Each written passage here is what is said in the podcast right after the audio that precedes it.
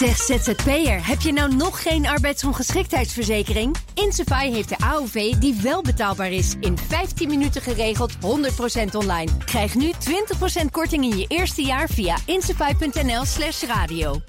Het is vier over half vijf. Goedemiddag. Terwijl het rapport Ongekend Onrecht uitkwam... en iedereen zich druk maakte om de toeslagenaffaire...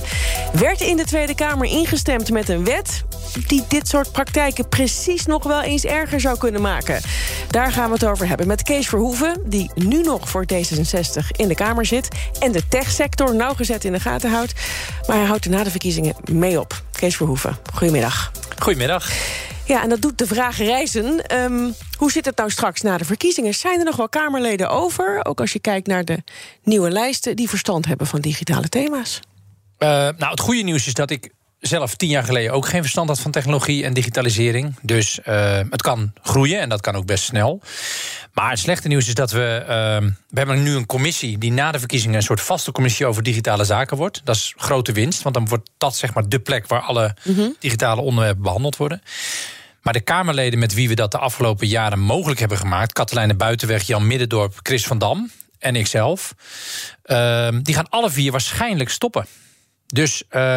Dat is toch niet zo overlegd? Is dat per ongeluk gegaan? Nou, uh, enigszins wel. Kijk, ik heb zelf tien jaar in de Kamer gezeten. En uh, dat is ook wel voor mij een natuurlijk moment om te stoppen. Maar de andere uh, die ik net noemde, zitten er allemaal pas vier jaar. Dus ik ben er zelf altijd stilzwijgend van uitgegaan dat die wel door zouden gaan. toch een tweede termijn wel logisch zou zijn. Maar gek genoeg is dat niet zo. Dus ja, een beetje zorgelijk is het wel. Ja, ik wil net zeggen, als leek maak, maak ik mij hier zorgen om. Ook omdat ik denk, ja, u zegt wel van het kan groeien, de kennis. Maar we weten gewoon dat overheden altijd achterlopen op, zeker op de, de innovatieve techsector. Dus je kunt je eigenlijk niet veroorloven om het nu nog te moeten leren. Nou, dat is wel waar. Het gaat heel snel. Technologische ontwikkelingen gaan razendsnel. Uh, een Kamer loopt altijd achter de feiten aan. Dat, dat is niet erg, want we, we, reageren op maatschappelijke ontwikkelingen. Burgers, bedrijven maken ons land. En de Kamer probeert het in goede banen te leiden. Maar bij technologie is kennis wel nodig. Uh, controle, big tech, die ongelooflijk veel invloed heeft op onze samenleving. Maar ook de overheid zelf is met steeds meer data en digitale besluitvormingssystemen bezig om mensen te controleren. En daar moet tegenmacht uh, op gegeven worden. En die moet uit de Tweede Kamer komen. En juist dit jaar, met begin van het jaar Siri, dat, dat antifraudesysteem wat discriminerend was, wat de rechter mm-hmm. verboden heeft, de toeslagenaffaire, dit jaar heeft laten zien dat de overheid vaak te ver gaat in het nastreven van doelen door middel van data. Ja, en die controle zouden dus kunnen komen door die vaste commissie digitale zaken, Zeker. maar die is dus eigenlijk een lege huls als er geen goede Kamerleden opstaan die de komende jaren echt zeggen: wij trekken die onderwerpen naar ons toe, we gaan bovenop die minister zitten, we gaan dat kabinet controleren, dan gebeurt het niet. En de kans dat dat goed gaat is kleiner geworden, omdat een aantal belangrijke Kamerleden hebben gezegd: wij stoppen er ook mee. En ik vind dat, nou, ik zal niet zeggen dat ik mijn, mijn vertrek heroverweeg, want dat kan ook helemaal niet meer. En ik wil ook andere dingen gaan doen. Maar ik vond, ik vond het wel jammer dat ik hoorde ja. dat een aantal van mijn companen, digitale mm companen, dat die stoppen. Ja, ja, en zorgelijk dus dat er nog mensen in moeten komen... die misschien nog helemaal uh, vanaf nul moeten beginnen. Um, laten we even gaan naar die toeslagenaffaire. Het probleem daarmee was een registratiesysteem... Hè, waarmee werd gespeurd naar fraudegevallen. Ja. Daar werd van bepaalde algoritmes gebruik gemaakt... en nou ja, discriminatie uh, is misschien te zacht uitgedrukt zelfs... voor wat daar uh, uiteindelijk uitrolde. Hè. Gevolg is, hebben de staatssecretarissen gezegd... die de boel overnamen, hè, Van Huffel onder andere... die heeft gezegd eh, in de zomer... we stoppen ermee, tijdelijk, met dat registratiesysteem. Is dat ook gebeurd? Nou, dat moet gebeuren, want uh, dat systeem was... bijvoorbeeld KPMG heeft het systeem onderzocht... en die mm -hmm. hebben gewoon gezegd... Uh, het is onrechtmatig. Het is dus niet volgens de wet, het is niet conform de wet. En ik denk dat de hele toeslagenaffaire heeft laten zien... Dat, dat je direct moet stoppen met het te vroeg veroordelen... van mensen die niks verkeerd hebben gedaan. Maar heeft iemand gecontroleerd of er inderdaad. Ik heb het niet gecontroleerd. Is. Ik heb het niet gecontroleerd. En dat moet misschien wel gebeuren, want ik zou volmondig ja op deze vraag moeten antwoorden. Ik ga er wel vanuit. Ik ga wel uit van het vertrouwen dat een bewindspersoon die zegt: Ik ben aangesteld om dit op te lossen. Ik beloof dit aan de Kamer. Er is ook geen discussie over. Dat die het ook stilzet. Als het in de praktijk anders blijkt te zijn, hebben we weer een nieuw probleem. Maar dat ja. moet natuurlijk gelijk gebeurd zijn. Ja. Mag ik u wel huiswerk meegeven dan bij deze om het even te checken? Ja, nee, zonder meer. Uh, heel goed u dat zegt. Ik ga, nou dat, ik ga dat checken. Uh, kijk, je hebt als zou... Kamerlid natuurlijk de neiging om te zeggen: We hebben erover gedebatteerd. Het besluit is genomen, dan wordt het mm -hmm. uitgevoerd. Maar juist in de uitvoering gaat veel mis. Uh, maar er is veel misgegaan wat we niet wisten. En dit is iets waarvan iedereen heeft gezegd: dit moeten we stoppen. Dus ja. dat systeem moet stoppen, dat fraudesysteem. En dat externe toezicht, dat zou er ook komen. Is dat er nou inmiddels? Het externe toezicht op de, de manier van werken? Ja, daar wordt nu heel snel wordt aan gewerkt. Dat wordt samengesteld. Maar de manier waarop dat gebeurt, uh, overzie ik niet. Kijk, dit dossier, de toeslagenaffaire. Mhm. Ik heb dat in de tien jaar dat ik in de Kamer zit nooit gevolgd als inhoudelijk Kamerlid. En dat voelt ook heel vervelend. Want aan de ene kant denk ik, ja, we hebben woordvoerders op elk onderwerp. Ik volg digitale zaken. Een ander volgt onderwijs. En een derde volgt bijvoorbeeld sociale zaken. En daar gaat het ook mis voor een deel. Ja, het raakt elkaar allemaal. Kamerleden die, die zitten in een, in een verticale commissie, in een, in een geïsoleerde kolom. En daarnaast gebeuren er ook allerlei dingen. En juist met digitalisering en data zie je dat het eigenlijk op alle domeinen van de overheid gebeurt. En niemand weet precies wat er gebeurt. En bij die toeslagenaffaire heeft data, digitalisering en, en, en algoritmes hebben een rol gespeeld. Ja. Ook geïnstitutionaliseerd wantrouwen, ook een overdreven strenge aanpak. Dus het is een combinatie van factoren geweest. Je luistert naar BNR in de middag. De gast, Kees Verhoeven, vertrekkend Kamerlid voor D66. Ja, dan is natuurlijk de vraag: um, hoe zorg je er nou voor dat dit in de toekomst beter gaat? We gaan vooruitkijken. Ja las ik een, uh, een stuk in NRC um, waarin Dagmar Oudshoorn werd geïnterviewd. Zij is directeur Amnesty International. Het gaat over algoritmes. En zij zei eigenlijk weet niemand welke instanties algoritmes gebruiken... en op welke manier en of er sprake is van discrimineren... of geautomatiseerd etnisch profileren.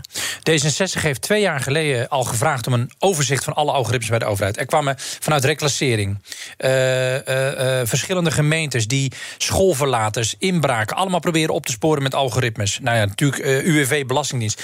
Al die organisaties gebruiken ze. Wie maakt ze, wie ontwerpt ze, voor welk doel, wie heeft erover nagedacht? Uh, wordt er nagedacht over burgerrechten? Allemaal vaak niet het geval. Maar hoe kan dit nou? Want ik, ik verbaas me daar toch omdat, over. Omdat overheden willen problemen oplossen. Overheden denken er gebeurt veel narigheid in de wereld. Fraude, terroristische aanslagen, schoolverlaters, uh, noem het allemaal maar op. Dat mhm. willen ze voorkomen. Dan gaan ze nadenken en dan horen ze en dan zien ze data. Digitaal, dat is het. Ze omarmen dat, ze gaan aan de gang. Ze denken er moet een project komen. Vroeger zet je een vastgoedproject neer, mhm. een groot winkelcentrum. Vroeger zet je een groot ICT-project neer. Tegenwoordig zet je een algoritme of een dataproject neer. Dan ben je goed bezig, om het zo maar te zeggen. Er wordt niet over nagedacht. Het wordt begonnen. En wat blijkt, na een paar jaar, de oplossing is vaak marginaal. De bijdrage is, valt vaak tegen.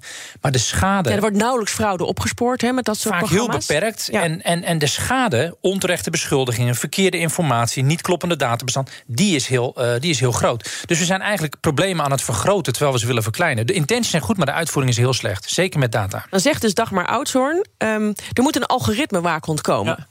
Daar heeft het ministerie van Justitie ook al op gereageerd. En die zeggen, nou, we hebben er even naar gekeken... maar nou, we zien geen juridische lancune in toezichtzaken, zoals ze dat zeggen. Kortom, het is niet nodig. Ik, hier heb ik vorige maand in mijn laatste debat over digitalisering... nog zowel met uh, staatssecretaris Knops als uh, minister uh, Dekker van Rechtsbescherming over gepraat.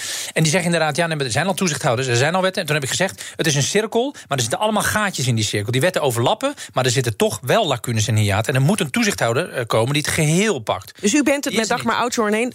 Er moet, en hoe moet hij eruit zien dan? Nou, een, een, een toezichthouder die, die kan bijvoorbeeld de autoriteit persoonsgevers en de autoriteit consumentenmarkt zijn twee belangrijke toezichthouders die allebei te maken hebben met ook algoritmes. Die zouden bijvoorbeeld samen dat kunnen oppakken. Maar ik denk dat het logisch is dat voor die algoritmes, die zowel door de overheid als de grote bedrijven gebruikt worden en mhm. sturend zijn, dat er gewoon een aparte toezichthouder komt. Ja, want die wet waar we het helemaal in beginnen, die haalde ik al even aan. Die wet die dus nu is aangenomen door de Tweede Kamer. Ja door de Eerste Kamer, dat is dan even het goede nieuws nog even, is uh, on hold is gezet. Maar goed, het gaat om de, het wetsvoorstel gegevensverwerking door samenwerkingsverbanden. Die valt in slaap als je hem leest. Nou, een, maar hij is heel erg belangrijk. Want, een enorm um, grote, omvangrijke datawet die honderden instanties de mogelijkheid geeft om tientallen, vele tientallen databestanden onderling uit te wisselen en weer te delen met derden, ook private partijen. Dus heel veel informatie van burgers wordt in een soort van datavermenigvuldigingsmachine gegooid en er worden allerlei conclusies over burgers getrokken. We spraken erover op de dag dat het, het rapport Ongekend Onrecht uitkwam. En CDA, PvdA, VVD hebben volmondig doch stilzwijgend ingestemd met die mhm. wet.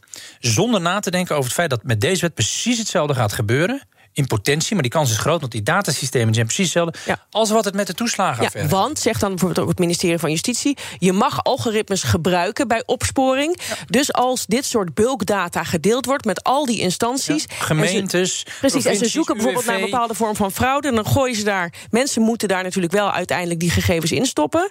En dan stoppen ze in die computer, in dat zelflerend algoritme. Het zijn bijvoorbeeld uh, altijd uh, witte Nederlanders die uit, uh, uit, uit, dit milieu komen en een rode auto rijden ik noem maar wat. En dan word je. Uh, je ziet, je ziet uit verschillende onderzoeken die gebruiken dat altijd kwetsbare groepen getroffen worden door, door dit soort megadatamachines. En de overheid tuigt er nu gewoon één op in eind 2020, in het jaar waarin duidelijk geworden is hoe gevaarlijk slechte uitvoering en data als verlengstukken van wantrouwen zijn. Ja. En ik vind het heel goed dat de Tweede Kamer, onder leiding van een aantal zeer actieve Kamerleden, heeft gezegd: we moeten die toeslagenaffaire aanpakken. We hebben dat opengebroken, daar verdienen ze grote complimenten voor. Maar dat diezelfde fracties, diezelfde partijen, vergelijkbare wetgeving in de toekomst steunen en daarmee eigenlijk een nieuwe potentiële toeslagenaffaire beginnen, Ja. dat vind ik zeer teleurstellend. Dus de Kamer Wat ik zei, ja, wat ik zei witte beginnen. Nederlanders moeten eigenlijk nooit het slachtoffer. Het was natuurlijk ook bij de toeslagenaffaire. Nee, gaat het eigenlijk altijd eh, om discriminatoire etnisch, profi- eh, etnisch profileren. Het zijn, de gegevens gaan vaak over opleidingsniveau, etnische achtergrond. Het gaat vaak over of je al va- vaker in aanraking bent geweest met. En dat wordt dan opgeteld. En dan wordt een conclusie getrokken op basis van een combinatie van data. Die niet de conclusie over jou hoeft te zijn. Ja. Maar je wordt wel geconfronteerd met die conclusie. En je krijgt geen toeslag meer. Je kunt niet een huis huren. Of andere dingen. Die wet is dus door de Tweede Kamer. Ik zei het al, de Eerste Kamer heeft hem eventjes aan de Raad van State gegeven. Jongens, geef ons Ja. advies. Wat is uw advies? Trek hem in. En dan? kabinet moet Helemaal wet- niet dit soort dingen doen? Het kabinet moet die wet intrekken. En er moet tijdens de formatie of, of, of, of later, als de, Kamer, de nieuwe Kamer is, moet er heel goed gekeken worden naar de, de, de, de, de proportionaliteit. Dus je moet absoluut de mogelijkheden gebruiken om nieuwe technologie te benutten voor je doelen. Dat sluit ik niet uit. Maar de vergaande. eh, totaal ondoordachte, grootschalige, complexe manier waarop dit gebeurt, is zeer onverstandig. Dus die wet moet ingetrokken worden en echt helemaal opnieuw worden behandeld. En nu, wat gaat u doen? Gaat u nu naar op. Facebook of zo? Of, ehm, Ik weet mijn toekomst nog niet, maar ik vind het wel van belang om tegen iedereen die dat wil weten te zeggen dat ik niet bij een big tech bedrijf lobbyist word. Eh, dat kan ik ook niet maken na al die jaren dat ik heb gestreden tegen de macht van die grote bedrijven. bent u wel benaderd door ze?